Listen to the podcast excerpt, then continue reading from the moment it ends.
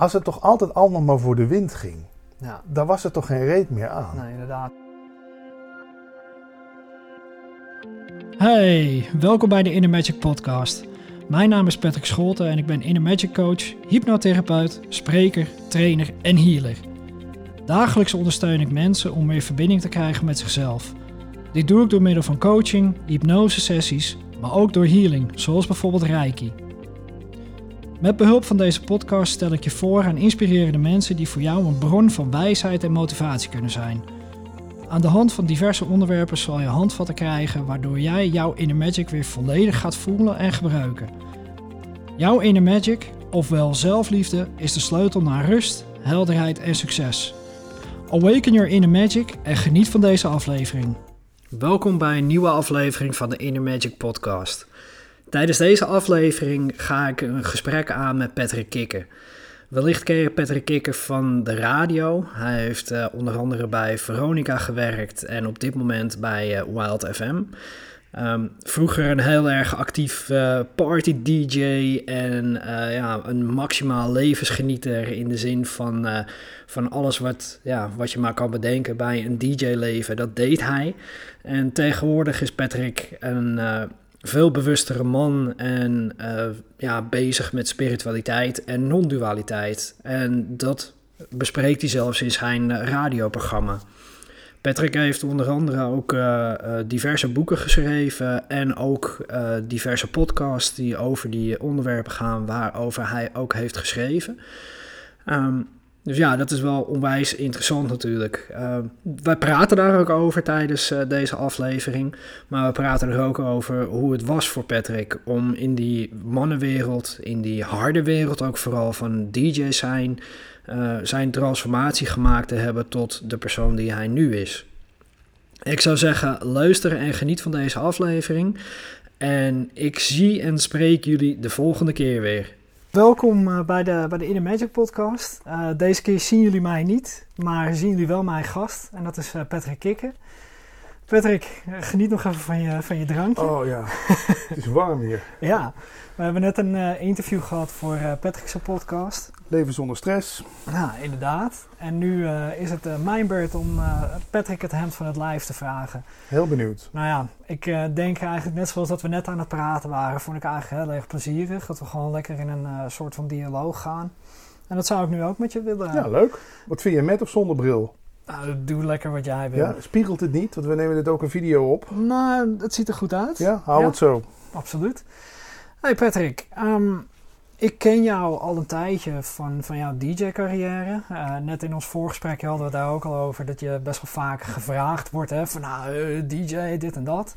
Maar ja, ik ben eigenlijk wel nieuwsgierig. Ehm, wat ik van jou heb mogen meekrijgen en wat ik al zei, ik heb een aantal podcasts heb ik gehoord van andere mensen, eh, zoals Jeanette de Geus. Waar ik eh, de gast was. Waar jij Ja. gast was, inderdaad. En toen spraken jullie over, over eh, non-dualiteit, spiritualiteit en allemaal dat soort dingen. Hoe is dat voor jou begonnen? Want ja, in, een- in de DJ-wereld, ik heb dat zelf niet de radio heb ik meegemaakt, maar ik ben zelf ja, hardcore DJ, hardstyle DJ geweest.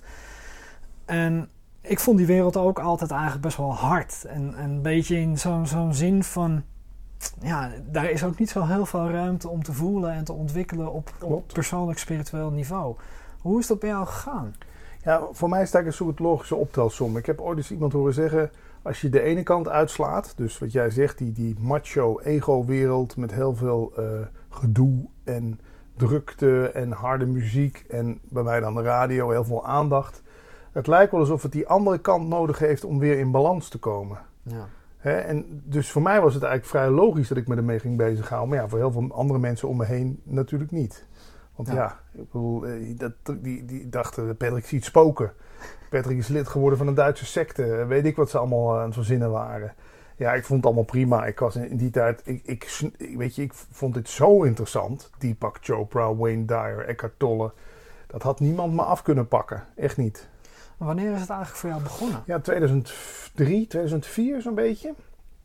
Je, ken je Napster nog? Dat programmaatje waarmee je gratis muziek kon downloaden. Zeker. Nou, dat kwam een beetje in die tijd. Een paar jaar daarvoor kwam dat op. En toen kwam een vriend van me, Sander, die kwam erachter. Hé, hey, maar er staan ook lezingen op Napster. Oh, Hè, think and grow rich, dat soort dingen. Oh ja. Dus wij, hij dat allemaal downloaden, op, op cd'tjes branden voor me. Dus dan zat ik op weg naar een groot feest waar ik dan moest draaien. Zat ik in de auto dat soort cd'tjes te luisteren. Helemaal... ah. En dan in die feesttent weer... Hey, oh, waar zijn die handjes? Boem, boem, boem. Ja. En op de terugweg weer... ah, Lekker in je Ja. element komen. Ja. Lekker eh, even wegzakken. mooi.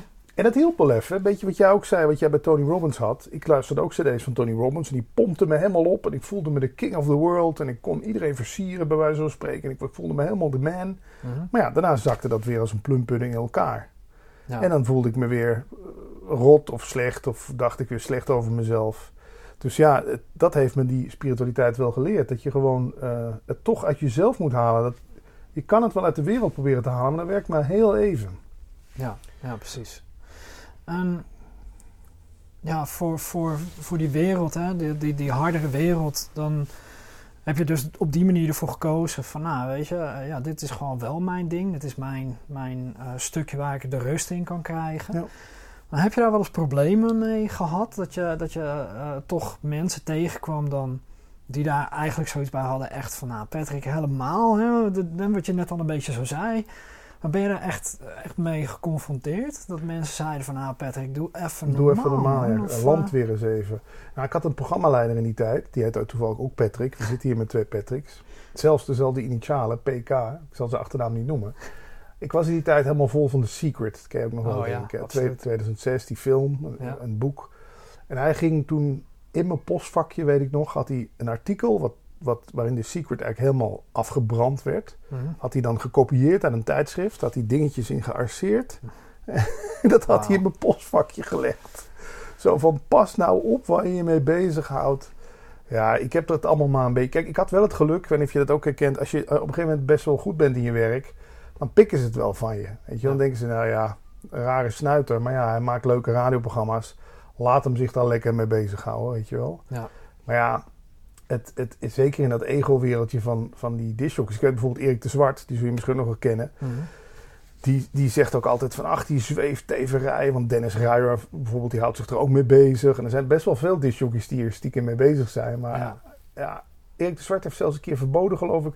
dat het woord yoga op de radio gezegd werd bij 538. Oh, wauw. Kun je nagaan. Want dat was al te zweverig. Ja, ik, ik heb het ze nooit echt verweten. Ik snap dat wel. Als jij heel erg gelooft dat jij de man bent. Er komt iemand anders voorbij die zich bezighoudt met iets wat zegt... ja, de man, dat is maar een idee in jou. We zijn allemaal gelijk en er is geen hoger en lager.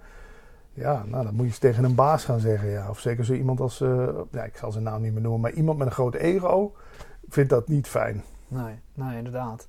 Heb je dat, heb je dat vaker gemerkt met, met, ehm, ja, met, met mannen? Dat, dat die dan echt een bepaald stereotype neer proberen te zetten. Van, hé, hey, kijk mij... eh, eh, zoals een vriend van mij, Paul Volmer, zo zegt. Van, eh, als een zilverrug op de, op de berg staan. Ja. Op de borst kloppend. Zo van, kijk mij, kijk mij. Ja.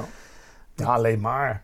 Maar ik zag wel door die, men, door, door die laag, ik weet of je dat ook kent, dan kijk je iemand in de ogen en dan zie je toch kwetsbaarheid. Ja. Want die ogen, die kunnen, ik, vaak lopen die mensen ook met een zonnebril op, zodat je ze niet in de ogen kunt kijken. Moet je maar eens opletten. Ja. Want daarin zie je soms gewoon angst, onzekerheid, daar zie je verdriet, daar zie je eh, vermoeidheid.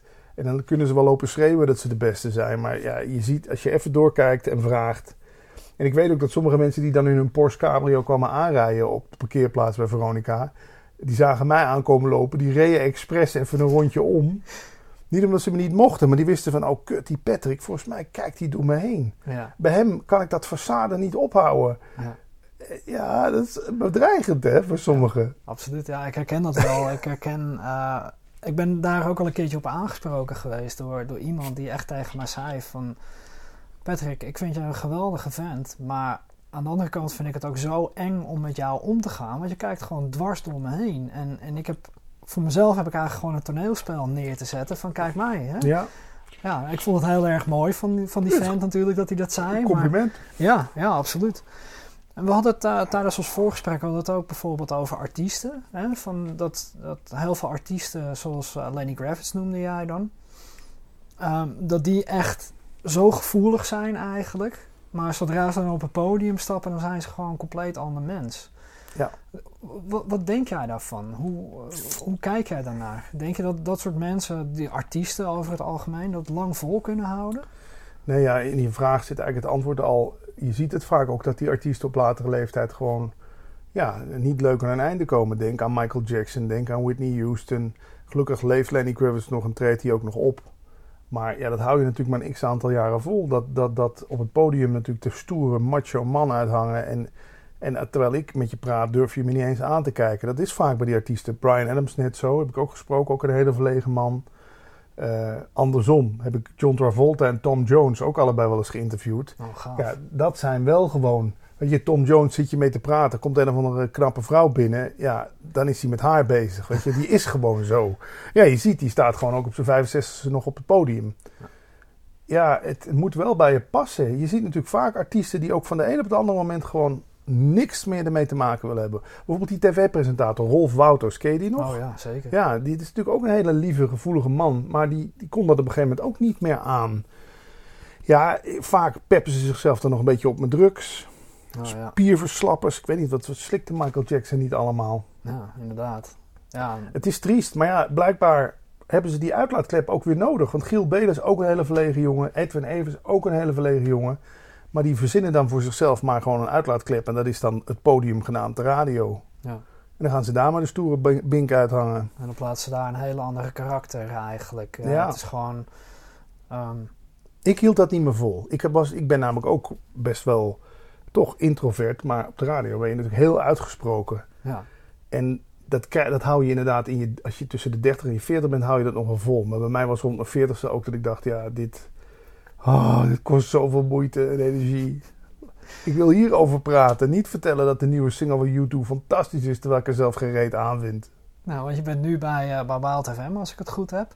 Eh, ben je met een programma bezig waar je echt over bewustzijn spreekt... samen met ehm, ehm, Paul Smit. Het Toch? praat over bewustzijn, ja. Ja. En ik draai eh, nog wat oude hip-hop. Dat is dan mijn muziek. Oké. Heb ik natuurlijk bij Veronica ook nooit kunnen doen. want Dat was allemaal gitaar, Guns N' Roses wat de klok sloeg. Ja, je gaat dingen doen die veel dichter bij je hart liggen. Dat ben jij ook gaan doen natuurlijk. Ja. hè. Op een gegeven moment wil je niet meer doen alsof. Nee, precies. Dan ben je het gewoon zat. Dan denk je, ik zit liever op een vrijdagmiddag op een veel te hete eh, zolder eh, met een naamgenoot te praten. Dan dat ik nu de Mega Top 50 zou moeten presenteren weer bij 3FM. Met allemaal muziek die ik niet meer trek. Ja. Ja, dat, maar dat is inderdaad ook wel eh, heel bijzonder wat je, wat je zo zegt. Van, hè, je was dan een DJ die eh, altijd maar de plaatjes moest draaien die de mensen leuk vonden. Ja. En nu heb je zoiets van, ik wil gewoon de muziek draaien die ik Ja. fijn vind. Want daar kan ik dan ook nog echt oprecht enthousiast over zijn. Ja. Ik vergelijk het wel eens met iemand die de hele, zijn hele carrière lang vaatwassers moet verkopen. Terwijl die op een gegeven moment vaatwassers moet verkopen waarvan die weet, nou die vallen na twee jaar gewoon uit elkaar. Maar dan moet je dus wel gewoon gaan zitten vertellen van, nou mevrouw, deze vaatwasser, Ja, die is geweldig. neusje van de zalm. Ja, wie zit je voor de gek te houden? Ik, ik, kan dat, ja, ik kon dat al niet zo goed. Mhm. Ik was daar naar een concert van U2 geweest en dan moest ik de dag daarna kaarten weggeven. En dan kan je natuurlijk niet gaan zeggen, ja, ik was er gisteren, ik vond er geen reet aan. Ik vond het een soort trucje wat die Bono daar stond te doen. Maar goed, ik heb hier twee kaarten voor je. Ja. Het, op zich zou het wel heel leuk zijn als je dit zo zou doen. Maar ik weet dat de baas en de platenmaatschappij, die trekken dat niet. Die zeggen, jij zegt maar gewoon dat dat het mooiste op aarde is. En die kun je nu winnen, die twee kaarten. Ja. Oftewel, je moet dan ook hè, een toneelspel Acteren. Op, eh, opvoeren, want anders eh, ja, wordt het niet geaccepteerd. Maar goed, ik bedoel, je krijgt er ook goed voor betaald. Hè? Net zoals Ja. jij ook bij, de, bij, de, bij Defensie. Dat is altijd het moeilijke. Je krijgt, er, je krijgt eigenlijk een soort, je verkoopt eigenlijk een soort van je ziel. Op een gegeven moment. Want je kan het niet meer, maar je denkt, ja, maar wacht eens even. Ping, ping. Ja, en nu heb je dan wel die vrijheid. Ja. En ehm, nou, dat, je, je radioprogramma. ehm, je in- interviewt daar diverse mensen ook. Maar ja, hoe is dat ontstaan? Hoe heb je die ruimte gekregen? Ja, die, die ruimte die pak je op een gegeven moment gewoon. Het is echt gewoon geweest Ja. van, oké, weet je, dit wil ik nu. Ja. En eh, Wild FM was dan degene die het platform eh, wou geven Ja. voor je. Nou, dat is natuurlijk wel heel erg fijn. Dat je dan zoiets hebt van, oké, nu kan het en nu mag het. Maar dat heb ik wel geleerd bij de radio. Je kunt beter achteraf sorry zeggen voor iets dan dat je vooraf toestemming gaat vragen. Oh ja. Maar ik denk dat het niet alleen maar op de radio is. Ik denk dat het eigenlijk met heel veel Heel dingen veel zo is. Ja. En dat, ik denk dat heel veel mensen daar eigenlijk ehm, best wel vaak op vastlopen. Dat ze, dat ze zoiets hebben van... ah, weet je, ik, ik, ik, nee, nee, ik, ik ga wel rustig aandoen en, en ik doe wel voorzichtig. Dan dat ze echt hun, hun leven gaan, gaan leiden en dat ze echt de dingen gaan oppakken. Was het voor jou altijd duidelijk dat jij een radio-dj wou worden? Was het bij jou altijd zo van, hè, eh, ik wil met, met radio wil ik bezig gaan en uiteindelijk dan met, ja, met het onderwerp wat je nu dan doet? Ja, eigenlijk niet. Ik was meer, net als jij, eh, een computernerd. Ik, ik zat op de Commodore 64, ken je dat apparaat nog? Ja, zeker. Zat ik al in te bellen naar bulletin board systems. Een beetje het voorlopen van het internet. Met Mhm. een 300 baud modem en een eigen telefoonlijn op de kamer toen ik 14 was. Dus ik was echt eh, eigenlijk ja, gedoemd, wil ik niet zeggen. Maar wel voortbestemd om eh, een carrière in internet en, en, en computers. Maar mijn broer was de discjockey thuis. En ik zag dat hij een beetje succes had bij de jonge dames. Want die belden hem op om een plaatje aan te vragen. En ik durfde helemaal niet de meid aan te spreken. Dus ik denk dat de seksuele selectie mij wel eh, een beetje de, de radiowereld ingejaagd heeft. Ja. En niet om dan er zoveel mogelijk vrouwen te scoren. Nee, maar gewoon dat je denkt van... hé, maar dat is interessant, want daar kan ik me zichtbaar mee maken. Net als iedereen denkt, met een beroep denkt van... ja, ik moet wel een beetje opvallen ook voor de andere seksen. Dat ik het goed voor elkaar heb. Dat ik goed kan praten. Dat ik iets extra's heb of zo. Ja. Maar ja, ik heb ook wel die internet dat kunnen combineren met de radio. Ik was een van de eerste in Nederland met een website, kikker.com. Met allemaal grappige filmpjes en plaatjes erop. Ja. Ja, dat vervulde echt een behoefte in die tijd. Want je had nog geen YouTube, je had nog geen Dumpert. Dumpert is oorspronkelijk, hebben ze ook toegegeven, gebaseerd op kikker.com. Want Oh. het was een soort kikker.com 2.0. Ik zette het erop. Maar bij Dumpert kunnen mensen het er zelf opzetten. Hè, alles wat ze tegenkomen. Ja. Ja, dus ik heb, nee, ik heb daar geen spijt van gehad. En, ehm, maar het is wel op een gegeven moment is die radio wel uitgedoofd. Omdat ik inderdaad, tenminste het popradio, ik kon Ja. het gewoon niet meer. Ja, dat kan ik heel goed begrijpen. We hadden het tijdens, tijdens het interview wat, je, wat, wat wij net hebben Ja. gedaan hè, voor jouw podcast. Leven zonder stress. Leven zonder stress, inderdaad. Eh, had je het er ook over, of je vroeg aan mij de vraag van, nou, hoe, hoe is dat allemaal in je jeugd? Hoe is dat ontstaan? En, ehm, nou, ik vertelde daar een klein beetje over, maar hoe is dat bij jou allemaal ontstaan? Hè? Je bent nu, ben je een bewust man, om het zo maar te zeggen. Eh, je Denk bent in ieder geval eh, met, met zoveel dingen bezig, dat je... Dat je ja, je weet ook gewoon dat dingen anders in elkaar steken dan dat eh, over het algemeen wordt gecommuniceerd. Ja. Hoe, hoe is dat bij jou? Is dat in je jeugd al ontstaan? Had je toen al momenten van dat, er, dat je andere dingen voelde, zag? Of... Nou ja, misschien wel. Ik was wel altijd een gevoelige jongen. Ehm, ik, ik was wel altijd, als we bijvoorbeeld op een schoolplein... We stonden met z'n drieën te praten en iemand stond daar alleen. Zei ik, kom erbij, weet je wel. Ja. Eh, eh, ik, ik probeerde niemand uit te sluiten. Ik probeerde iedereen erbij te betrekken. Maar ik ben ook wel een beetje iemand geweest die, die wel geintjes uithaalde. En, en eh, nou, pest heb ik niet echt gedaan, hoop ik. Ik, weet, ik kan het me niet meer zo terug herinneren. Ik was altijd wel bewust van, hé, hey, die ander voelt ook wat. Mhm. Dus dan maakte ik wel een grapje, maar dan was ik de eerste om te zeggen: hey, ik heb het niet verkeerd bedoeld of zo. eh. Maar ja, thuis toch opgegroeid met inderdaad veel spanning. Ook een vader die veel dronk en eh, werkeloos was. Dus die vond, vond zichzelf niet zo heel veel waard. Mhm. En dan kom je dus thuis met een goed rapport en dan ben je zijn beste vriend. Maar als je dan, eh, je kent het, maar als je een week later thuis komt met een proefwerk waar je maar een 6 voor haalde, dan ben je niet zijn beste vriend. Herkenbaar. Maar ja, wat ik daar leerde was: oké, als je dus ergens heel goed in bent, dan houden mensen van je. Ja. Wat natuurlijk een soort recept voor burn-out is, want je kan niet altijd overal de beste in zijn of heel goed. Je- Een 6 moet best eens een keertje kunnen.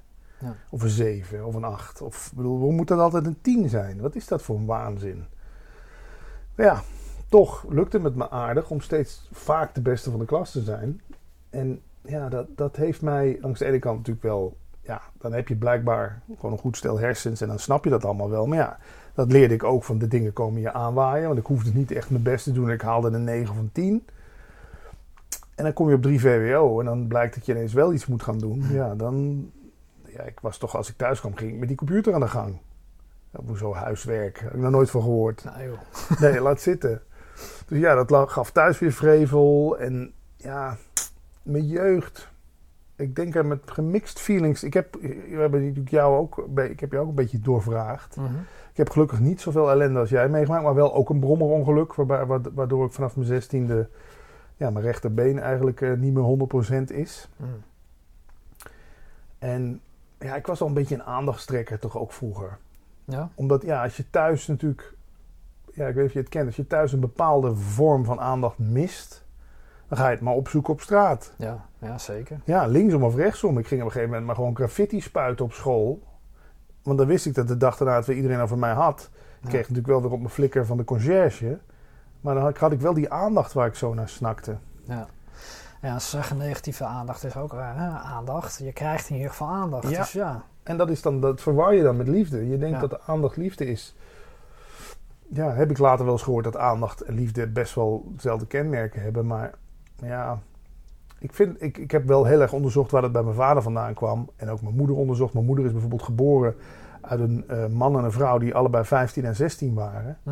Dus dat was in die tijd, daar, eh, daar sprak het hele dorp schande van. Hm, Ze ja. moesten in het zwart trouwen, mijn opa en oma. En, en, dus mijn moeder is natuurlijk ook wel onrustig ter wereld gekomen. Nou, mijn vader net na de oorlog in een gezin van vier kinderen, waar hij de jongste was en waarbij zijn ouders een soort verstandshuwelijk hadden, ben ik wel achtergekomen. Ook heel veel ruzie en onrust. Juist. Ja, dat komt bij elkaar, hè? Ja, dat, eh, dat zijn niet eh, de, de meest fijne combinaties, om het Nee. zo maar te zeggen. Dat, eh, dan, dan merk je toch dat, denk ik, op bepaalde vlakken het liefde eigenlijk inderdaad wat tekort komt. Ja, en ze hebben, maar ik verwijt het hun echt niet meer. Ze leven allebei nog. Mijn vader is nu wel, heb ik als eerder in een interview gesproken, die is psychotisch. Beetje wat jij net omschreef van jouw moeder. Ja, hij denkt dan ook als, de, als op, op de eerste maand van de maand de sirenes gaan, dan zegt hij dat doen ze om mij, eh, mij ze willen mij irriteren. oh, ja. En Ja. de buren zijn tegen hem. En als er een auto twee keer door de straat rijdt, heb je dat gezien? Ja, ja, herkenbaar. Dat was bij mijn moeder inderdaad ook zo. Ja, Het is heel triest, maar ook bijna. Mijn vader is zijn hele leven heel angst, eh, angstvol geweest en wantrouwend. Dus voor mij is het eigenlijk bijna een soort logische uitkomst.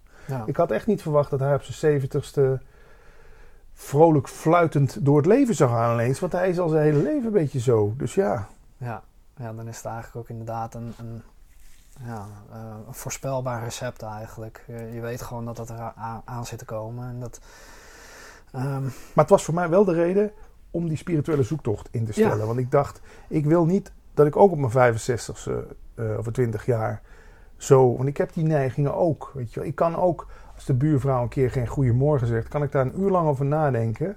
van waarom? Zou het de voortuin zijn? Ja, wat, wat heb ik gedaan? Ja, wat heb ik gedaan? Heb ik misschien een keer hard muziek gedraaid? ja. Je gaat allemaal op jezelf betrekken. Die schuldige, hè? Ik ben schuldig. Die Ja. gedachte.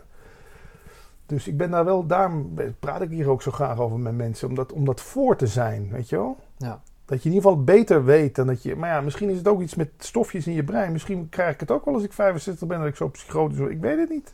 Ja, ze, ik heb dat toen een keertje met, eh, met de huisarts van mijn moeder hadden we toen erover gehad. En toen zeiden ze van eh, schizofrenie dan in het geval. hè. is dat erfelijk? Eh, dat, dat kan erfelijk zijn, maar dan komt het er meestal rond je achttiende komt het er al uit. Ah. Hmm. Dan begin je al symptomen te krijgen. Dus mijn broer en ik hadden allebei al zoiets van... Oh, oké, gelukkig. Dat snap ik. Maar ja, weet je... ehm, wat ik dan ook bij jou zo hoor en wat bij mij ook eh, zo is geweest... van nou, dat stukje zelfliefde, die, die, die zelfwaardering. Ja, jij ging graffiti spuiten om Ja. mijn aandacht te krijgen. Ja. Maar ja, dat, dat, dat miste je dus. Hè? De, de, de waardering voor jezelf. Ehm, hoe is dat bij jou dan op een gegeven moment zo geworden dat je, dat je nu bent waar je, ja, waar je nu bent, zeg maar? Hoe is dat gegroeid? Nou, ik heb het geluk gehad dat ik het overal in heb kunnen zoeken. Ja, dat heb jij denk ik ook gedaan. Want je hebt ook goed verdiend eh, in die ICT en, en Zeker. als militair. Dus ik heb die dure BMW kunnen kopen. Ik heb op podia gestaan voor, voor 25.000 man. Ik kwam er, je komt er door proefondervindelijk kom je erachter dat het daar niet te halen valt. Ja. Dus dan moet je naar binnen. En dan kom je bij mensen als Eckhart Tolle en zo uit die gewoon zeggen van ja, het is je ego wat natuurlijk de hele tijd om bevestiging roept, schreeuwt. Maar wat jij in essentie bent, heeft die bevestiging helemaal niet nodig. Weet je, wel? je, Ja. bent je bent in essentie gewoon, je komt, je komt onschuldig ter wereld. Je bent, je bent al eigenlijk perfect. Ik bedoel, kijk eens hoe dit apparaat zich vanzelf heeft gevormd. Dat is toch al een wonder op zich. Ja, absoluut. Alleen hebben wij een stemmetje in het hoofd dat zegt, ja, dat is niet goed genoeg. Er moet nog van alles aan gebeuren. Ik moet dit, dat, zus, zo, die jas, die auto. Ja, dat heeft me enorm geholpen om... Maar dat wil niet zeggen dat er in één klap inderdaad al die beperkende overtuigingen weg zijn. Want Nee. je komt wel op die plek, maar daaromheen zit natuurlijk nog van allerlei stront, zullen we maar zeggen, wat je in de loop der jaren allemaal verzameld hebt. Ja. Maar ja, daar komt dus non-dualiteit eh, om de hoek zeilen. En ja, dat heeft mij enorm geholpen. En hoe ben jij, je noemt net al uh, een paar keer Edgar Toller, dat is voor jou iemand geweest waar je naar hebt gekeken, maar uh, hoe is dat traject voor jou gelopen? We hadden het net bij mij besproken. Nou, bij mij begon het bij 365 dagen succesvol. Ja. Michael Pilagic, Tony Robbins, uh, Dr. Joe Dispenza en nogal andere dingen. Maar hoe is dat voor jou verlopen? Waar, waar, waar, ben jij zo al mee bezig? Ja, waar ben ik mee gestart? Even denken. Brian Tracy, zegt die naam je wat? Dat ja, was een soort zakelijke-achtige coach. Ja, ik had ook het geluk dat ik um, op radiogebied een soort radiocoach had ontdekt. Dan O'Day heet die man. Als er iemand luistert of kijkt die ook iets met radio doet, danod.com. Echt fantastische seminars geeft die man. En die geeft van ieder facet van het radiomaken geeft hij een soort seminar, cursusje. Of, of schrijft hij een boek over hoe met mensen aan de telefoon om te gaan. Hoe je je persoonlijkheid op de radio kunt uitvergroten. Uh, hoe je met je carrière om moet gaan. En dat gaf mij al. Die man heeft me echt een soort van als radiomaker enorm veel zelfvertrouwen gegeven. Waardoor ik als radiomaker echt tot, tot bij de ochtendshow van Veronica eh, terecht ben gekomen. Dus dat te gaan doen. Ja, dan krijg je wel al een soort van. Ha, Weet je, mijn vader riep namelijk in mijn jeugd vaak: het wordt toch niks met jou. En als jij zo doorgaat, jongen, jij komt echt in de goot terecht. Jij wordt putjeschepper, weet je wel. Mhm. Nou, ik had dus heel erg ook wel weer die drive. Ik zal jou eens even poepie laten ruiken. Ja, ja jij kent het. Ik zie je glimlachen. Ja, absoluut. Dus dan ga je, ik, ga, ik zal je eens even wel laten zien wat ik in huis heb. Dus langs de andere kant, dat heb ik ook wel geleerd. Het, in het lelijke zit het mooie al opgesloten. Dat mijn vader zo was, of is, heeft mij wel. Misschien als, als mijn vader iedere dag tegen mij had gezegd: Jongen, jij bent geweldig. Er is met jou echt helemaal niks mis. Dat je er bent, zijn we al blij om. Ja, weet ik niet of ik dan zo keihard mijn best had gedaan om in de wereld iemand te worden. Dan was ik misschien een soort verwend nestje geworden die zo achterover zat op de bank. Maar ik ben toch al perfect. maar ja, wat kan je maar nog maar kun je, wat kun je, Ik hoef niks meer te doen. Dus. Maar ik ben even je vraag kwijt. Voor, ja, mensen die mij, dus Brian Tracy, Dan O'Day, ja, ook Tony Robbins. In mijn tijd had je in Nederland had je nog niet zoveel. Ja, je had Ben Tichelaar, Dromen Durven oh, Doen. Ken je dat nog? Ja. Daar had ik een luister-cd van. En uh, ja, toen toch Deepak Chopra, Eckhart Tolle. Ja, en toen, toen een beetje bij die non-dualiteit leraren terechtgekomen. Wayne Dyer heb ik ook heel veel van geluisterd en gekeken. Het leeft helaas niet meer. Maar ook net als jij gewoon stapels, dvd's, cd's, boeken want ik voelde wel, hier zit iets. Ja. En op een gegeven moment was het voor jou echt wel van... oké, ik ga hier, hierop doorpakken en ik ga me verder ontwikkelen. Want het voelde gewoon natuurlijk heel erg goed voor jezelf. Het bracht me op een plek van binnen waar het gewoon kalm en rustig was. Hè? Waar, En ik ging ook inzien dat heel veel lijden gewoon een soort mezelf... Ik was mezelf met die zweep op die rug aan het slaan de hele mm. tijd. Ja. Ik ben niet goed genoeg, ik ben slecht. Allemaal door die oude herinneringen. Ja. Ja. En um, nou, je noemde net al een onderwerp wat bij jou volgens mij echt heel vaak voorbij komt: non-dualiteit. Um, wat, wat is dat? Ja. Kun je dat uitleggen? Of is dat echt een, een onderwerp wat je zegt van nou, uh, heb je nog even vier uur? Nee, dat is eigenlijk vrij simpel uit te leggen. Het is gewoon een zinnetje wat me een keer pakte. In een van, je hebt ook zo'n zo'n zo'n dun boekje van Don Ruiz Miguel. Ken je dat ook? De vier nobele waarheden. En daar kwam een soort indiaan ter sprake. Eh, die ooit gezegd zou hebben: uh, Jij verschijnt niet in de wereld, de wereld verschijnt in jou. Hmm. En dat raakte me. Ik dacht: Wacht eens even, zo kun je dus ook naar de wereld kijken.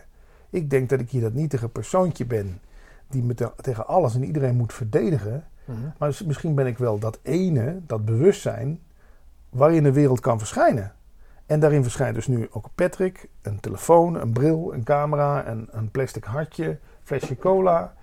En dan hoef ik daar ook helemaal niet mee in gevecht te zijn. Want het verschijnt allemaal in mij. En ik mag er dus gebruik van maken. Maar ik kan er ook van, van genieten zonder er iets mee te doen. Ik hoef het niet mezelf toe te eigenen. Want het, het verschijnt al in mij. Dus zij, ja, zij keren gewoon de, de wereld eigenlijk 180 graden om. Hmm. Je, je, bent, je, je, bent niet sec alleen maar dit persoontje. Nee, je bent veel meer dan dat.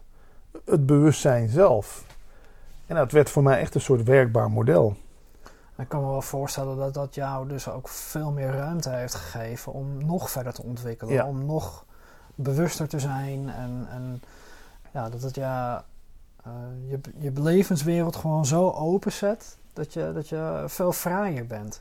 Dat en ook veel liefdevoller en helemaal niet meer op, op, jezelf gericht zo. Want als jij in mij verschijnt en, en, die, en, die, en, en die boom en dat, en, die, en dat kind, dan, dan, moet, dan ben ik er ook veel meer bij betrokken dan wil ik daar ook gewoon dat het daar goed mee gaat. En dat, dat daar liefde in stop. En, ja, en wat mij gewoon ook geholpen heeft, het, wordt, het gaat heel erg over de vrije wil. Hè. Heb jij in je leven voor alles gekozen?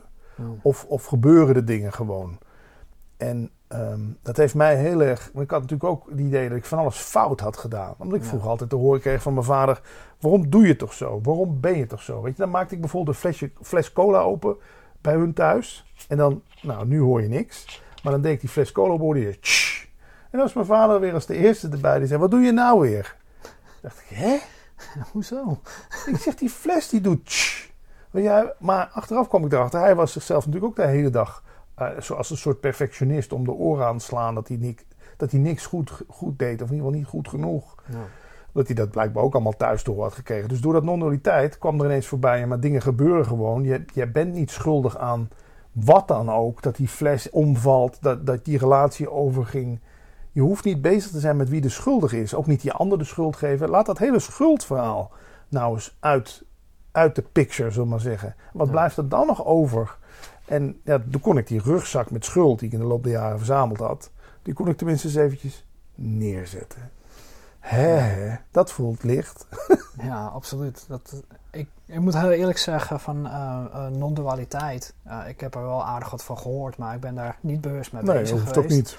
Maar als ik dat inderdaad zou horen, dan denk ik ook bij mezelf van... Oh ja, oké, dat is inderdaad... In mijn beleving is dat van ja, je gaat dan bewust met de zaken om. En inderdaad niet alles maar naar jezelf betrekken. Van, Dat is hè, het. Dat, dat, je, dat je gewoon ook inziet van... Er gebeuren dingen om mij heen waar ik gewoon helemaal geen... geen eh, eh, Invloed. invloed op heb, inderdaad. weet je. Het- gebeurt gewoon. Ja. En... ehm, Zoals zijn- ook. Dit gesprek, weet je wel. Ja, Ja, is het een goed gesprek? Is het een slecht gesprek? Dat is maar een label wat je erop plakt. ja, precies. En oké, dan plakken we het label erop. Het was een goed gesprek. Dan is het ego, als de kippen erbij te zeggen. Dat kwam door de goede vragen van Patrick. Ja, maar het kwam ook door de goede, eh, goede antwoorden van andere Patrick. Als we dat nou eens helemaal buiten beschouwing laten. Ja, Het was gewoon het gesprek. ja, precies. En de een vindt het goed, de ander vindt het slecht. Wat zegt het over het gesprek? Niks. Nou, inderdaad. Dus om, en dit, de- als je daar een beetje uit kunt komen, dat je niet, ja, wat jij zegt, alles op jezelf betrekken. Want eh, hoe meer ik hier mijn successen claim, en dat deed ik bij de radio graag, Ja. hè, want we zijn weer gestegen met Radio Veronica, en dat is mede mijn, mijn verdienste. Ja, maar als dan de luistercijfers gezakt waren, Dan was het jouw schuld. oh, durfde ik weer niemand onder ogen te komen, want dat heb ik nou weer gedaan, weet je wel. Wow, de- de- eindeloos. Ja, en toch is het zo. Wij zijn er bewuster van geworden van hoe dat proces werkt. Maar er zijn zoveel mensen die, die wel alles op hunzelf schuiven. Die, die eh, als eh, stel dat, dat eh, een, een, een vrouw die heeft een dochter. En de dochter die stoot haar knie tegen de tafelpoot. Dan is het de schuld van de moeder. Want Ja. de moeder die voelt zich dan verantwoordelijk. Had ik moeten voorkomen, ja. Ja. Maar Hoe, hoe, hoe kan dat toch dat, wij, dat wij daar zo in zitten? Waarom wij mensen daar zo mee bezig zijn? Ja, in non-dualiteit wordt dan beweerd dat eigenlijk deze wereld, ja, dat is constant oorlog. Je hebt zelf in oorlogssituaties gezeten, maar ja. het is al in het klein een oorlog als we, kom maar eens met twee mensen tegelijk met een karretje aanlopen bij de kassa. Mhm. Dan voel je al de competitie begint, hè. Ik ben eerst. Wie is de eerste? Wie gaat, en dan zet je nog wat meer stapjes en nog wat meer stapjes. Ja, Dan moet je gewoon eens op zo'n moment, ja, moet niks, maar je kan eens proberen dat je denkt, weet je wat, ik sta even stil. ik sta, laat gaan. Ja. Dat noemen ze met een chic woord ontoorlogen. Hmm. gewoon steeds uit de discussie, uit de competitie stappen. En ik weet dat het on-Nederlands is. Ik weet ook dat, het, dat ons op school geleerd wordt, geworden van hij heeft een 9, ja, maar ik heb een 10. Hè. We Ja. zitten helemaal in dat prestatiecijfersysteem. Ja, absoluut. Maar het is zo heerlijk om daar gewoon eens een keer, laat diegene bij het stoplicht voor. Weet je ook, je hebt toch vaak die straatjes, heb ik gisteren nog meegemaakt, waar je, waar je dan moet stoppen om die ander voor te laten. En dan hangt er geen bord wie als eerste mag. Ja. Het geeft zoveel rust. Stop jij gewoon. In plaats van nog net even. Nu ben ik in de beurt. Weet je wel. En dan hop, hop, en dan gescheld. En dit. En dan, het verkeer is een mooie oefening daarvoor. Ontoorlogen. ja, absoluut. Ik, ik, eh, dat je dit zo zegt van op de weg hier naartoe. Eh, we zitten bij jou, eh, bij jou thuis. En hier in de, in de aanloop hier naartoe, zeg maar, heb je inderdaad ook zo'n stukje. En er was dus gewoon al, ik zag een automobilist aankomen rijden. Nou, ik geloof dat we ongeveer eh tegelijke hoogte Ja. waren. Maar die ging alvast maar midden op de Ja, weg rijden. Dat ik zoiets had van, joh, Helemaal best, Ja. joh. Ga er gewoon keer als eerste doorheen. Als jij dat wil, prima. En, en, en ik, ik, ga- ik geef soms wel eens de schuld aan hier het West. Dus zullen we maar zeggen, de Randstad. Hè? Dat Mhm. we hier met z'n allen zo dicht op elkaar wonen. Dat het bijna niet raar is dat we om ieder stukje grond en iedere, ieder plekje zitten te strijden. Maar het zit toch echt gewoon in de mens. Want als Ja. ik in Limburg bij mijn ouders ben, daar is het een stuk rustiger. Maar ook daar doet iedereen zijn best om het laatste brood te pakken. En het is, ja, Ja, is dat denk je echt iets ehm, typisch van het Westen, zeg maar? Hè? Dat wij, eh, wij worden opgegroeid in een maatschappij, dat we echt geleerd worden van nou, je moet beter je best doen, je moet harder werken, je moet, je moet, je moet, je moet. En dan heb je ook natuurlijk landen ehm, waar, het, waar het veel relaxter gaat. ja. Maar waarom zouden we het hier zo hebben? Waarom is het zo, die, die, die druk? Waarom, waarom leven we daar zo mee? Ik moet denken aan een aantal boeddhisten die waren een keer in Nederland. en Die zagen hier een hardloopwedstrijd. En die zeiden, "Huh, waarom krijgt alleen de eerste die over de finish komt de medaille? Ze hebben toch allemaal die afstand afgelegd? Ja. Het is echt mindset. Dat wij denken dat... Ik heb Mart Smeets wel eens horen zeggen... de nummer twee is de aanvoerder van de verliezers. Mm. Mooi. Ja, weet Ja, je... mooi. Ik bedoel, wat, wat, wil je, wat wil je daar nou mee zeggen? Het, het- iedere inderdaad... Jij bent toevallig beter... Jij hebt een sportieve lichaam. Je hebt de genen van een sportief iemand, ik noem maar wat. En ik heb de genen van iemand die goed is in kruiswoordpuzzels oplossen. Maakt jou dat beter dan mij? Ik bedoel... Nou, Het- En we hebben het ook allemaal nodig. Vroeger was het allemaal gewoon, weet je wel, dan was diegene, het was de jager, die werd automatisch een soort van de leider van de groep. Dat, wordt, dat ontstond allemaal organisch. Maar ja, in Nederland krijg je natuurlijk ook, wat jij ook zei, dan krijg je een soort iemand die wordt in een managerspositie gemanoeuvreerd, of die manoeuvreert zichzelf in die positie. Maar die is van nature helemaal geen leider. En dan moeten we naar hem gaan zitten luisteren. ja. En dan voelen we in al onze botten en cellen van, nou, deze man, daar wil ik helemaal niet naar luisteren. Die heeft, dat is helemaal geen leider. Nee, En dan mag ik even bij jou iets. Want Ja, kans tuurlijk. dat dit gaat. Dat dit Oh. een beetje gaat. Ah. hier, Gooi me die even achter je schouder. Yes. Maar ja, dat dus. Ja, ik, ik, het is iets. Ik, ik, jij, jij bent ook in landen geweest, natuurlijk als Afghanistan en zo woest. Maar ja, daar heb je natuurlijk de Taliban die zich helemaal opwerpen als de, Ja. de, de allesweters. Ja, absoluut. Ja, daar had je dan ook echt gewoon eh, bepaalde situaties dat je... Nou, ik ben één keer van het kamp af geweest, van kamp Holland. Naar voor, vooruitgeschoven post. En dan zit je midden tussen de Taliban. En dat is voor hun dan weer het ideale eh, moment om jou dan te gaan uitlokken.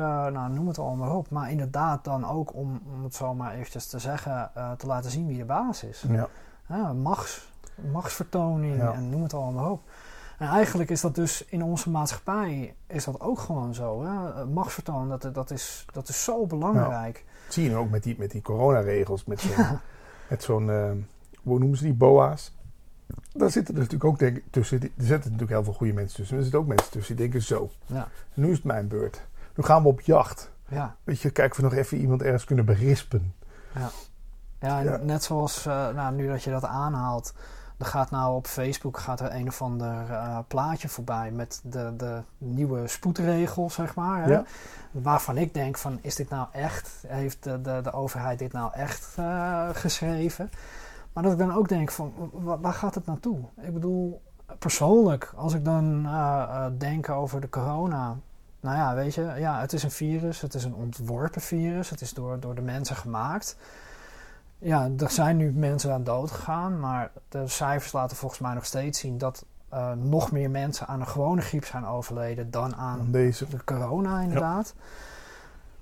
Maar we zien nu, hè, het wordt zomer, eh, eh, de, de gevallen in de IC's nemen af, het wordt allemaal weer rustiger. Ja. Nou, dan zeggen ze van, nou, zometeen als het weer najaar wordt, dan, dan komt het wel weer het omhoog. Maar onze vrijheid wordt wel gewoon afgenomen. Ja, we worden allemaal in, in eh, angst worden geduwd Ja. om maar te luisteren naar, naar de overheid. En ja, dat, dat is toch ook wel ei- eigenlijk best een stukje in mijn beleving dan van hè, het dualisme wat er dan in zit. Weet je wel? Van aan de ene kant, ja, je weet van dat, die, dat het virus er is. Dat het mensen eh dood, ziek maakt. Ehm, maar aan de andere kant heb je ook zoiets van, ja, maar eh, ik wil ook gewoon nog kunnen leven. Ja. En hoe, hoe ervaar jij dat met, met dat stuk van dat, dat we dan toch zoveel dingen om ons heen gebeuren, dat de vrijheid steeds meer van ons afgepakt wordt? Hoe, hoe kijk jij daarnaar? Ja, ik probeer altijd een beetje te relativeren. En ik denk bijvoorbeeld, er is dus een man, die heeft in Auschwitz heeft hij een boek geschreven. Of de, die, je kent dat verhaal, hè? Die voelde zich in Auschwitz, naar het verhaal schijnt, compleet vrij. Die kwam erachter dat de omstandigheden eigenlijk maar een klein deel uitmaken van dat echte vrijheid eigenlijk van binnen uit moet komen. Ik ben Ja. het met je eens hoor. Ik vind het ook vervelend. Ik ga nu ook niet graag naar de supermarkt en of naar een hotel.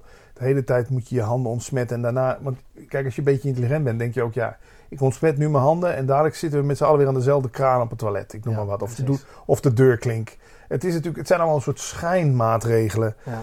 Maar ja, ik heb me er toch nog niet echt heel erg door laten. Ik, ja, ik voed me ook expres niet met te veel eh, complottheorieën of te veel eh, nieuws daarover. Want ja, je kan jezelf inderdaad gewoon gek piekeren. Ja. Want dan zegt Mark Rutte, ja, in het vliegtuig wordt het lucht goed ververst, dus we kunnen gewoon vliegen.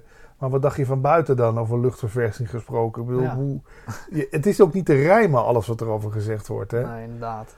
Dus ja, sommigen noemen dat de kop in het zand steken. Ik probeer me maar gewoon een beetje eh, ervan af te keren. Weet je wel? En dan denken, ja, vrijheid. Ik heb hier in mijn. Zolang ik hier thuis nog. Want dat je hoorde je toch ook verhaal. Dat er dan gewoon naar binnen gekeken wordt met hoeveel mensen jij Ja. in de tuin zit. Of in de woonkamer. Ja, kom op hé. Dan. Ik bedoel, zolang ik hier nog gewoon een beetje de king of my castle kan spelen. Vind ik het wel meevallen. Maar ja, wacht maar tot je daar nog eens een keer op vakantie gaat. En je moet op een vliegveld allerlei nieuwe procedures. En het levert wel een hoop gedoe op. Dat ben ik met Ja. je eens.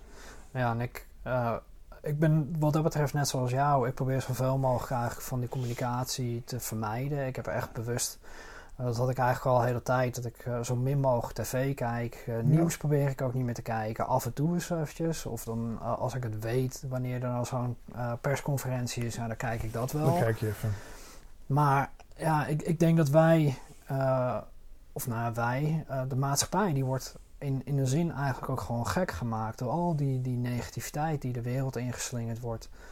Ehm, ik heb bij mezelf echt wel gemerkt, eh, het moment dat ik ervoor koos om bewust gewoon minder eh, actualiteiten tot me te nemen, in welke vorm dan ook, dat ik daar eigenlijk een heel stuk rustiger van werd.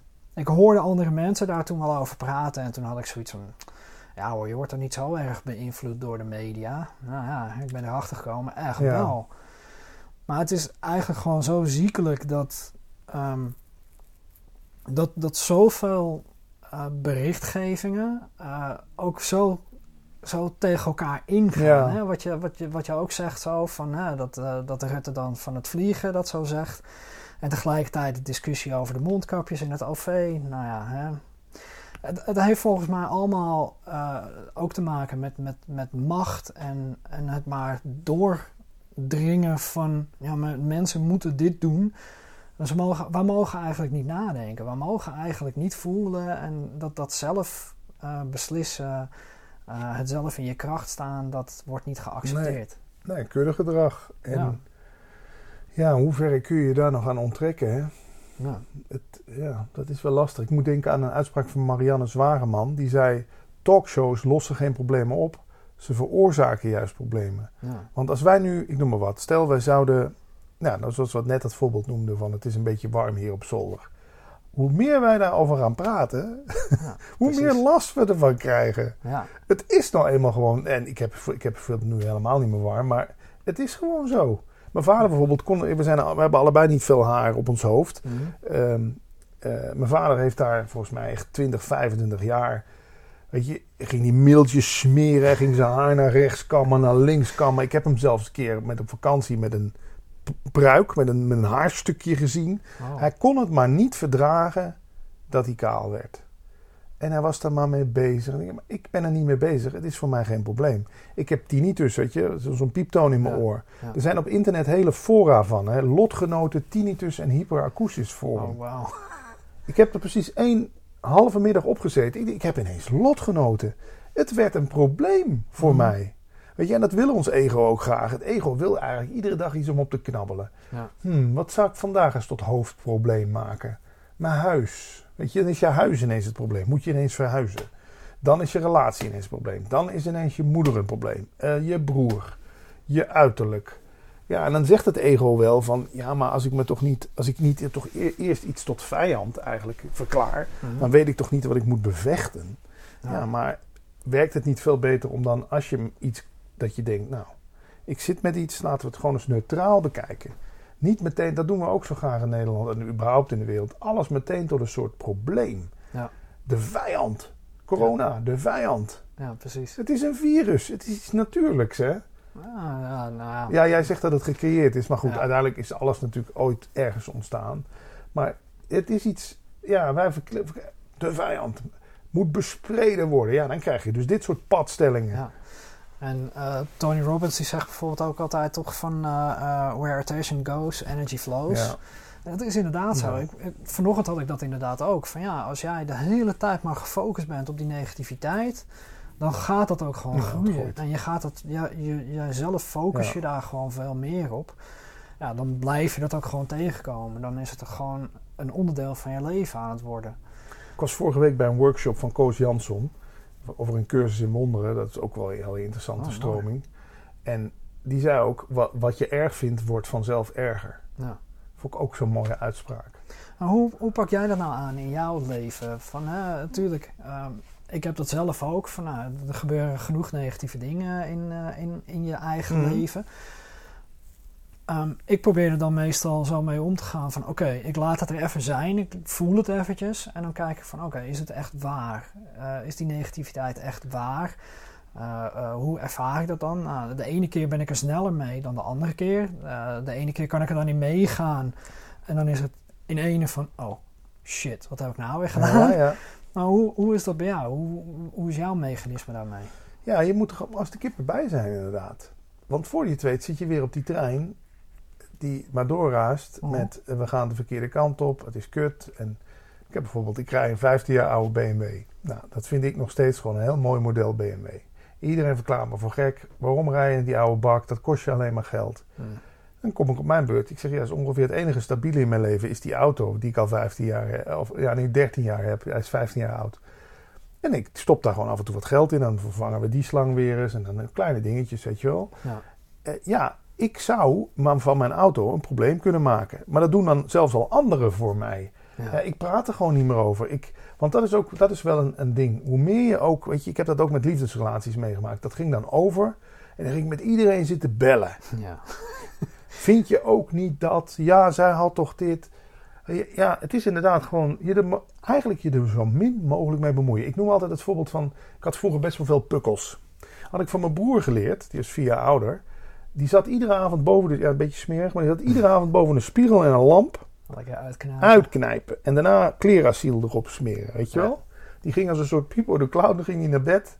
En dan leerde ik dus, pukkels hebben is erg. Je moet er vanaf komen. Het Ja. is, je moet je ervoor schamen. Dus terwijl je we toch allemaal weten, als jij een klein pukkeltje op je kin hebt, als je er vanaf blijft, is het binnen twee dagen hooguit weg. Ja. Nee, ik ga zitten duwen en plukken en trekken. Ik liep twee weken lang met een dikke bult op mijn kin. Snap je? Ja. Het is gewoon het idee, ik moet dit fixen. Ik moet dit op. Blijf er toch vanaf. Weet je, dat is vaak ook met liefdesrelaties. Nou, dan heb je een keer bonje.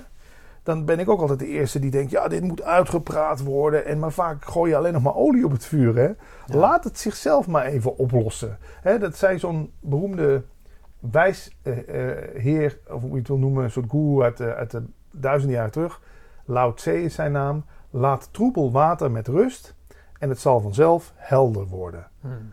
En Ja. dat wil niet zeggen dat je alles maar de boel de boel moet laten. Maar wij zijn natuurlijk als de kippen bij. Alles moet gefixt. Het moet nu opgelost. Ik wil nu een nieuwe auto. Die ruzie moet nu uitgesproken worden. Weet je, Ja. alles heeft toch zijn tijd nodig. Ja, als ik daar inderdaad ook over terugdenk. Wij, wij worden inderdaad zo vaak eh, eh, geleerd van ja, je moet meteen eh, Actie. actie ondernemen. En inderdaad ook met liefdesrelaties. Nou ja, ik heb je wat verteld over mij. Dus eh, die van mij die gaat op dit moment ook niet helemaal florisant. Nou ja, eh, maar ik ga dan ook uit mijn primitieve reacties Ja. ga ik dan ook... eh, ik wil dan dingen bespreken eh, met, Ja. met mijn vriendin. En dan wil ik het ook allemaal weer recht trekken. En tegelijkertijd denk ik dan ook van ja... Weet je, ben je dan niet de dood aan het lullen?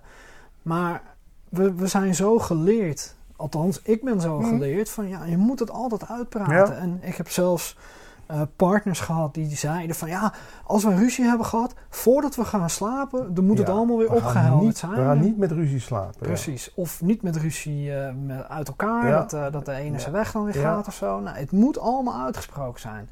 Terwijl ik inderdaad ook steeds meer zoiets heb van ja, oké, dit, is, dit is kut wat er nu allemaal gebeurd is.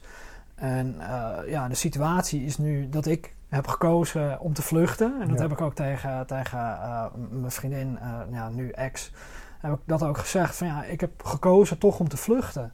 Omdat het mij te veel werd. En ja, dat, als ik daar echt gewoon eh sec naar kijk, dan komt het inderdaad door al die programmeringen, door al die, die dingen die we hebben meegekregen. Want ja, het moet gewoon op die manier en anders klopt het niet. Nee, En terwijl je inderdaad, als je steeds eh, bewuster daarmee omgaat, dan zie je ook echt wel die andere stukken. Dan, dan kan je er op een gegeven moment ook gewoon een stap terugnemen. En dat is de fase waar ik dan echt wel in zit ook. Van, oh ja, ik had eigenlijk ook wel op deze manier kunnen reageren. Waar ik vroeger dan eh, explosief was en ervoor zorgde dat iets dan echt niet meer herstelbaar Ja, ja, zou zijn. kapot gemaakt Ja, werd. echt kapot maken in, Ja. in alles. Ben ik nu wel een heel stuk bewuster geworden van ja, oké, ik heb nu die vlucht gemaakt. Eh, we hebben wel weer gecommuniceerd met elkaar. Er is wel weer ruimte gecreëerd. Maar ook van misschien hebben we even wat meer ruimte Ja. nodig. Kijk, Paul Smit, waar ik dan veel mee samenwerk, die zegt dat gras groeit niet harder door eraan te trekken. Nee. Gras groeit gewoon. Weet je, kan wel, eh, eh, ja, voordat je weet, trek je het gewoon kapot. Ja. Wij, wij, wij, wij- we moeten gewoon, denk ik, we moeten niks, maar je zou eens kunnen proberen, ik ook, en dat lees iedere dag, minder bemoeien met de zaken. Ja. Weet je, het radiostation waar ik dan nu straks weer naartoe ga, dat Wild FM, hoor ik gisteren weer van een collega, het gaat niet goed, het gaat niet goed, we hebben een schuld daar, een schuld daar, misschien zijn we maandag al niet meer in de lucht. Mm. Als ik met dat gevoel vanmiddag de studio inloop, dan wordt het een waardeloos programma. Ja. Je, Ik, ik, ik, denk, ik probeer het dan en ik merk dat dat steeds beter lukt. Ik draai het dan om. Nou, laat dit dan de laatste uitzending zijn voorlopig. Ja. Dan geniet ik er extra van. Weet je wel? Ja. En ik weet dat ik makkelijk praten heb, omdat ik er niet financieel afhankelijk van ben. Ik kan me voorstellen als het je baan is, dat je denkt, ja, maar, maar ook dan. Weet je, er komt altijd wel weer wat. Dat weten jij en ik ook. We, we we wonen in Nederland, er is altijd wel wat te doen. Er is altijd wel geld te verdienen. Ja. Probeer dan er gewoon eens... Wij, wij kunnen in Nederland ook niet goed omgaan met dat iets de laatste keer is. Of dat iets ophoudt of zo, weet je wel. Dus alles moet maar doorgaan. Ja. Dat merk ik. Ik had dat in het begin met Netflix. Daar keek ik een serie. En dan hadden drie seizoenen vriendin en ik gekeken. Was het afgerond. Dan was ik echt een soort middag in de rouw. Weet je die serie. Dan voelde ik echt die leegte van binnen. Ik denk, wat moet ik nu? Die serie is afgelopen. Ja. Maar dat hadden ze ons misschien wel op school moeten leren. Dat inderdaad, dat je ook dingen... dat- wat dat betreft zijn die rituelen bij al die stammen in Afrika en, en in andere landen zo mooi. Hè? Die leren jongens ook gewoon dat dingen... Die leren dat soort dingen. Hoe rond je iets af? Ja. Hoe beëindig je iets goed? Hoe, hoe ga je ermee om dat een deur sluit? En dan zeggen wij wel, ja, de ene dan gaat er weer een deur open. Nee, maar dat echt ook durven voelen. Ja. Van, nou, we hebben we- bijvoorbeeld, we- je ontmoet iemand één keer. Je hebt daar een enorme liefdesexplosie mee een nacht lang. Hè, dat gebeurt ook. Ja. En daarna is het, zie je elkaar nooit meer. Dan zegt het hoofd, ja, maar dat kan toch niet. Dat was zo fijn, dat moet doorgaan. Moet een liefdesrelatie Dit moet een relatie worden, eh, maar ja. waar staat dat? We willen alles maar vasthouden. Daarom, daarom nemen we ook alles op. We nemen dit nu ook weer op. Weet je wel, we maken overal foto's van. Alsof, alsof je in het leven... Het leven is natuurlijk alleen maar bezig met laat los, laat los, laat los. Ja. Want de seizoenen en dan verwelkt het weer. Nee, wij maar overal alles maar vasthouden. Foto's maken. Niks mag kapot gaan. Dat, dat vind ik er wel leuk aan. Ja. Dat, op een gegeven moment krijg je dat door. Dat, nou, dan laat het, laat het de laatste keer zijn dan. Dan maken Ja. we er nog een feestje van. Ja, ik zeg ook heel vaak, eh, en dat zei ik ook tegen, tegen, mijn, eh, eh, tegen mijn vriendin, van alles is eindig. Alles is eindig, weet je. En, en zo stond ik er in het begin van, van de relatie in en zo sta ik er nu nog steeds in. Ja, natuurlijk, er, er zijn dingen gebeurd en nou, er blijven natuurlijk dingen gebeuren, maar dat is het leven.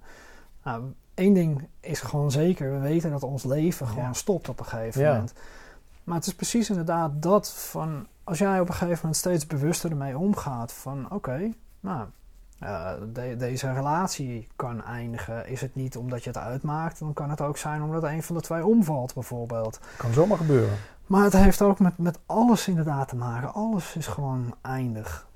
We hebben de illusie gekregen dat we ons voor alles kunnen verzekeren ook. Hè? Ja. Je hebt zelfs met vakantie een mooi weerverzekering. Ja. Als het geen mooi weer is, krijg je je geld terug. Ja, ik snap de praktische kant daarvan van. Maar laat het dan een keer geen mooi weer zijn op vakantie. Is dat nou zo erg? Het is denk ik belangrijker van hoe ga je ermee om? Ja. Nou, laat, je, laat je daardoor je hele vakantie verpesten?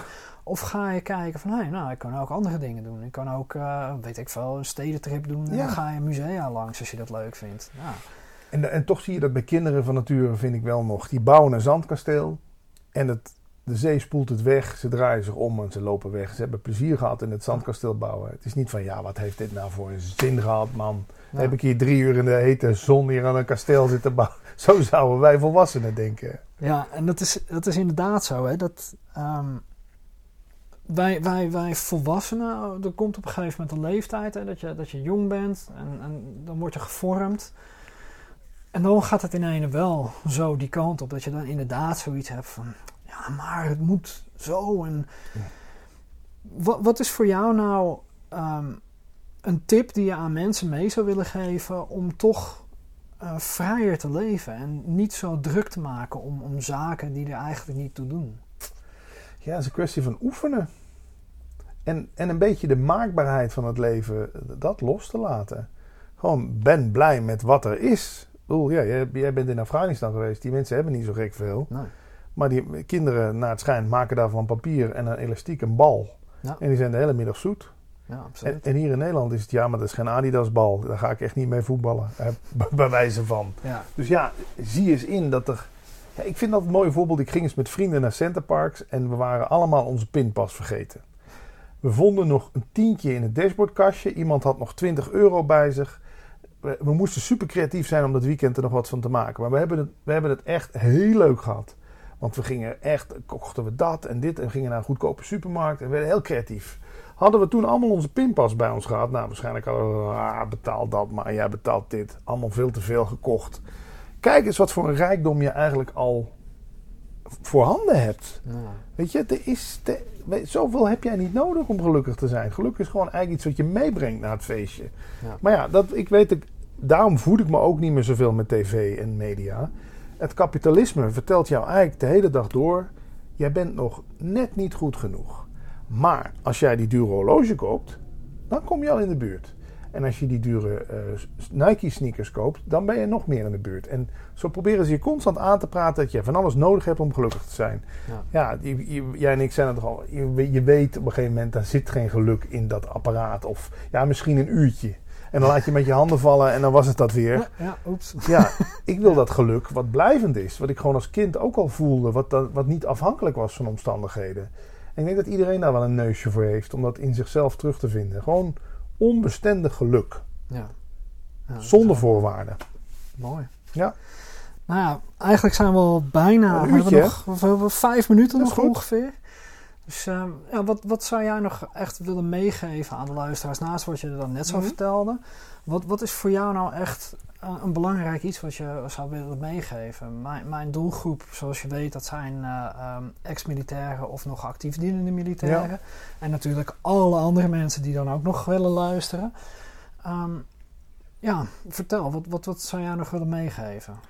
Praktisch gezien is het misschien leuk om mijn boek eens een keer te checken. Leven zonder stress. Kun je via Leven zonder stress eh, of één levenzonderstress.nl kun je dat alvast inkijken als je dat leuk vindt. En ik kan me zo voorstellen als militair dat je misschien ook met heel veel schuldgevoel terugkomt. Want jij bent ook in, in Bosnië geweest. Ja.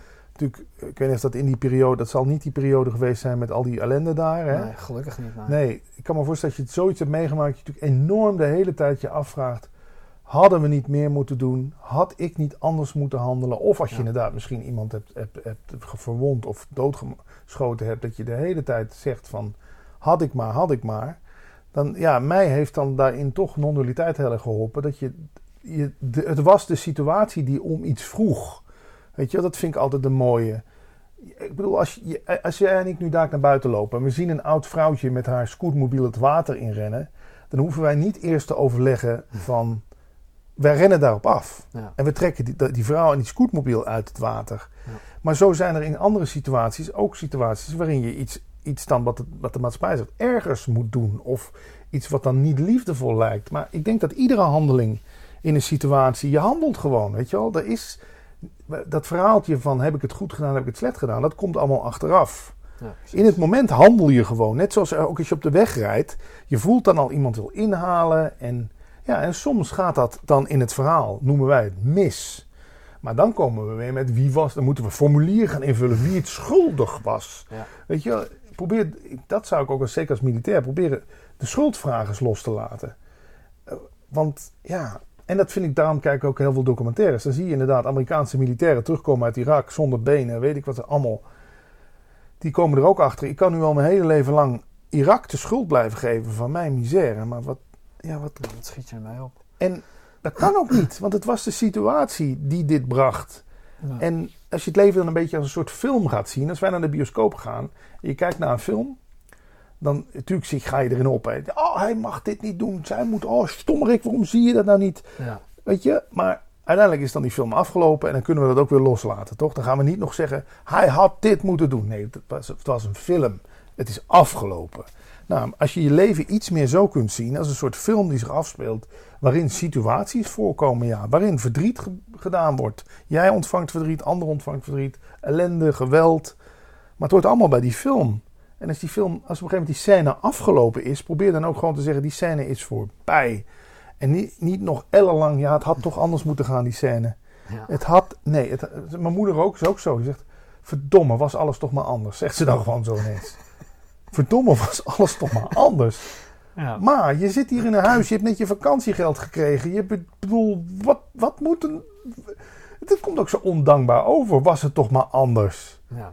Geniet toch eens van wat er al is. Ja, precies. En ik denk dat het inderdaad, inderdaad wel heel erg belangrijk is dat wij eh, ook de realisatie krijgen van hey, de dingen die gebeurd zijn, die zijn gebeurd. En ik geloof altijd van alles gebeurt met een reden. Ehm, hè? Laat het ook gewoon zo zijn. Weet je, het is gebeurd, je kan er niks meer aan doen. Ja, Maar als jij het anders wil, zorg er dan voor dat wanneer je weer in zo'n situatie komt, dat je dan wel bewust bent en dat je dan wel kijkt van, hey, of in ieder geval zo bewust mogelijk, dat je dan ziet wat het met jou doet en dan daarop reageert op een voor jou wel passende manier. ja, En als je iedere keer, hè, dat is het lang leven van de patronen, als je daar dan iedere keer wel weer terugkomt, ja, ga dan kijken of ga dan hulp zoeken desnoods. Als je merkt van, hé, hey, ik kom daar niet uit. absoluut. Ja, Mijn vriend Paul Smit zegt altijd zo mooi: pijn is er niet voor niks. Want je pijn wil jou iets leren. Als jij nu pijn hebt gedaan aan een heet glas, dan weet je de volgende keer: oei, ik moet opletten. Ja. Dat als ik dat glas vastpak of het niet te heet is. Nee, wat zegt ons ego? Nooit meer in de buurt van zo'n glas komen. ja, dan ontzeg je jezelf dus een lekker glas thee. Ja. En ja, zo gebeurt het in liefdesrelaties natuurlijk ook. In het verleden heb je, heeft iets pijn gedaan. Dit begint erop te lijken dat het ook weer pijn gaat doen. Toedeloe. Of je zegt tegen die ander, ik wil je niet meer. Of die ander zegt tegen jou, ik wil je niet meer. Ja, Ja. ego is altijd maar bezig met pijn vermijden, plezier vergaren. Ja, dat lijkt me zo'n ja, rare vorm van leven. Want ja, wat, daar groei je toch ook niet van? Ik bedoel, dan heb maar eens pijn. Ja, inderdaad. Accepteer dat en, en laat die pijn er ook inderdaad zijn. En zie dat niet meteen als een mislukking. Nee, dat is dat het ook niet. is precies. Heel veel mensen die denken dat dat wel een mislukking is. Ja. Van hé, hey, ik, ik heb pijn. ehm, mijn liefdesrelatie is gefaald. Of, eh, of een vriendschap is gefaald. Of nou, noem het allemaal maar op. En Falen, ja. Falen, falen. Dat is allemaal negatief. Ja, terwijl het was een, het was een leerkans. Ik bedoel, Ja. John Einstein, die haal je ook aan op je website. Die heeft natuurlijk, weet ik hoe vaak geprobeerd om van alles uit te vinden. Relativiteitstheorie en zo. Die zag dat niet als falen. Nee, die zag dat gewoon als, als het pad naar uiteindelijk het- de oplossing. Ja. Dus ja, wij noemen inderdaad, dat, dat is in Nederland ook. Hè. Als iemand failliet gaat, oh, die is failliet gegaan. Hmm. In Amerika zeggen ze, hey, way to go. Je hebt het geprobeerd, man. Je bent weer opnieuw begonnen. Super. Bij ons is het, oh, die zit in de schuldsanering. Die moet zich kapot schamen. Ja. Nee, ik, ik ben trots op jou dat je geprobeerd hebt. Dat, dat het uiteindelijk niet goed uit, of niet uitpakte zoals het voor ogen had. Nou en, je hebt het wel geprobeerd. Nou, en kijk dan wat jouw leer daaruit Ja. is. En ga dan de volgende keer desnoods weer opnieuw. Probeer je het nog een keer. Ja. Nou, ik vind het wel een heel mooi einde. Ja, mooi probeersel zo, toch? Ja. Ehm, als mensen wat meer over jou willen, willen weten of eh, jouw programma willen luisteren, eh, waar kunnen ze de meeste informatie en de beste informatie van jou vinden? Ja, dat is een goede. Ik denk toch Google, types non-dualiteit of Patrick Kikken in. Of op Yo- YouTube staan heel veel andere gesprekken die ik ook met mensen heb gevoerd. Het gesprek dat jij en ik gevoerd hebben, andersom, staat daar ook op. Oké. En de podcast heet Leven zonder stress, zo heet ook het boek. Er is ook een andere podcast, Praat over bewustzijn. Daar is ook een boek van. En voor de rest, ja, op, je kan ons op vrijdagavond luisteren vanaf 6 uur. Wild Hit Radio, als het nog bestaat, hè. Want voor hetzelfde geld komen de schuldeisers de studio leeg over. Ja, dan wordt zo meteen Ja. de stekker eruit getrokken. Maar ik vind het ook wel, weet je, stiekem gezegd, even als laatste. Ik vind het ook wel weer leuk aan het leven. Jij niet? Mm. Ik bedoel, als het toch altijd allemaal maar voor de wind ging, Ja. dan was er toch geen reet meer aan. Nee, inderdaad. Ik zeg dat ook altijd. Tuurlijk, ik heb heel vaak ook momenten van... pff, God, Gaan we mag weer. het nou even een Ja. keertje iets makkelijker? Ja, ja. Maar aan de andere kant, ja, weet je, het, het geeft wel eh, de, de show in het leven. Het geeft wel de uitdaging. ja. Een boek le- als je een boek leest waarin niks gebeurt, dan leg je dat boek op een gegeven moment toch ook weg. Ja, Ja. hier gebeurt helemaal niks in. Laat maar. Ja. Nee, ik laat dingen maar eens instorten. Of laat dingen maar eens tot een einde komen. En oké, ja, de kans is het dat het even pijn doet. Je denkt, verdorie, het toch wel jammer dat dat over is. Ja. Maar ja, het had ook wel weer iets spannends. Ja, precies. En toen eindigde dit. Ja. Nou, heel erg bedankt. Jij ook, naamgenoot. En dat was alweer de aflevering van deze keer. Ik ben benieuwd wat je van deze aflevering vond. Laat het eens weten in, eh, in de comments eh, eh, onder het bericht wat ik deel om deze, deze aan te kondigen. Of geef mij een, eh, rating eh, bij bijvoorbeeld iTunes of bij Spotify. Ik ben namelijk heel erg benieuwd wat jullie van deze afleveringen vinden. Nou, tijdens deze aflevering hadden Patrick en ik het dus over verschillende dingen gehad. Eh, zoals hoe het voor hem was om eh, ja, meer de spirituele kant op te gaan. Maar ook hoe hij dat heeft gezien bij, eh, bij diverse sterren en andere collega-DJ's. Hoe zij omgingen met, ehm, ja, met het werkelijke leven wat ze hadden. En dan hoe ze zich moesten ja, presenteren, zeg maar, om eh, goed te kunnen eh, functioneren op de radio. Eh, Oftewel dat ze eigenlijk een, een toneelstukje aan het spelen waren en niet hun werkelijke zelf konden zijn. Hoe belangrijk is dat wel niet? Dat wij gewoon onszelf kunnen en mogen zijn. Ik hoop dat je uit deze afleveringen ook meer daar inzicht op hebt gekregen van hoe belangrijk het is dat je jezelf gewoon mag en kan zijn. Tuurlijk in sommige situaties is het handig om, eh, om ja, net even iets anders te gedragen dan dat je altijd bent. Al nu ik dit zo zeg, denk ik ook bij mezelf van ehm, welke situatie dan? Want eigenlijk moet het gewoon inderdaad kunnen zijn dat je altijd jezelf mag zijn. Weet je, je bent de persoon eh, die je bent. En durf dat ook gewoon te zijn. En durf ook gewoon te zijn wie je bent en wees daar tevreden mee. Nou, ik eh, hoop dat jullie dit een, eh, een interessante en eh, mooie uitzending vonden. De volgende aflevering wordt samen met Tibor, Tibor Olgers. Tibor is een, ja, ook een, een, een coach die zich heel erg ook bezighoudt met spiritualiteit. Maar het op een net zo down-to-earth manier brengt als dat ik dat ook probeer te brengen. Maar ja, Tibor die is gewoon net even een stuk harder en directer om het zo maar te zijn. En dat komt waarschijnlijk ook door zijn achtergrond.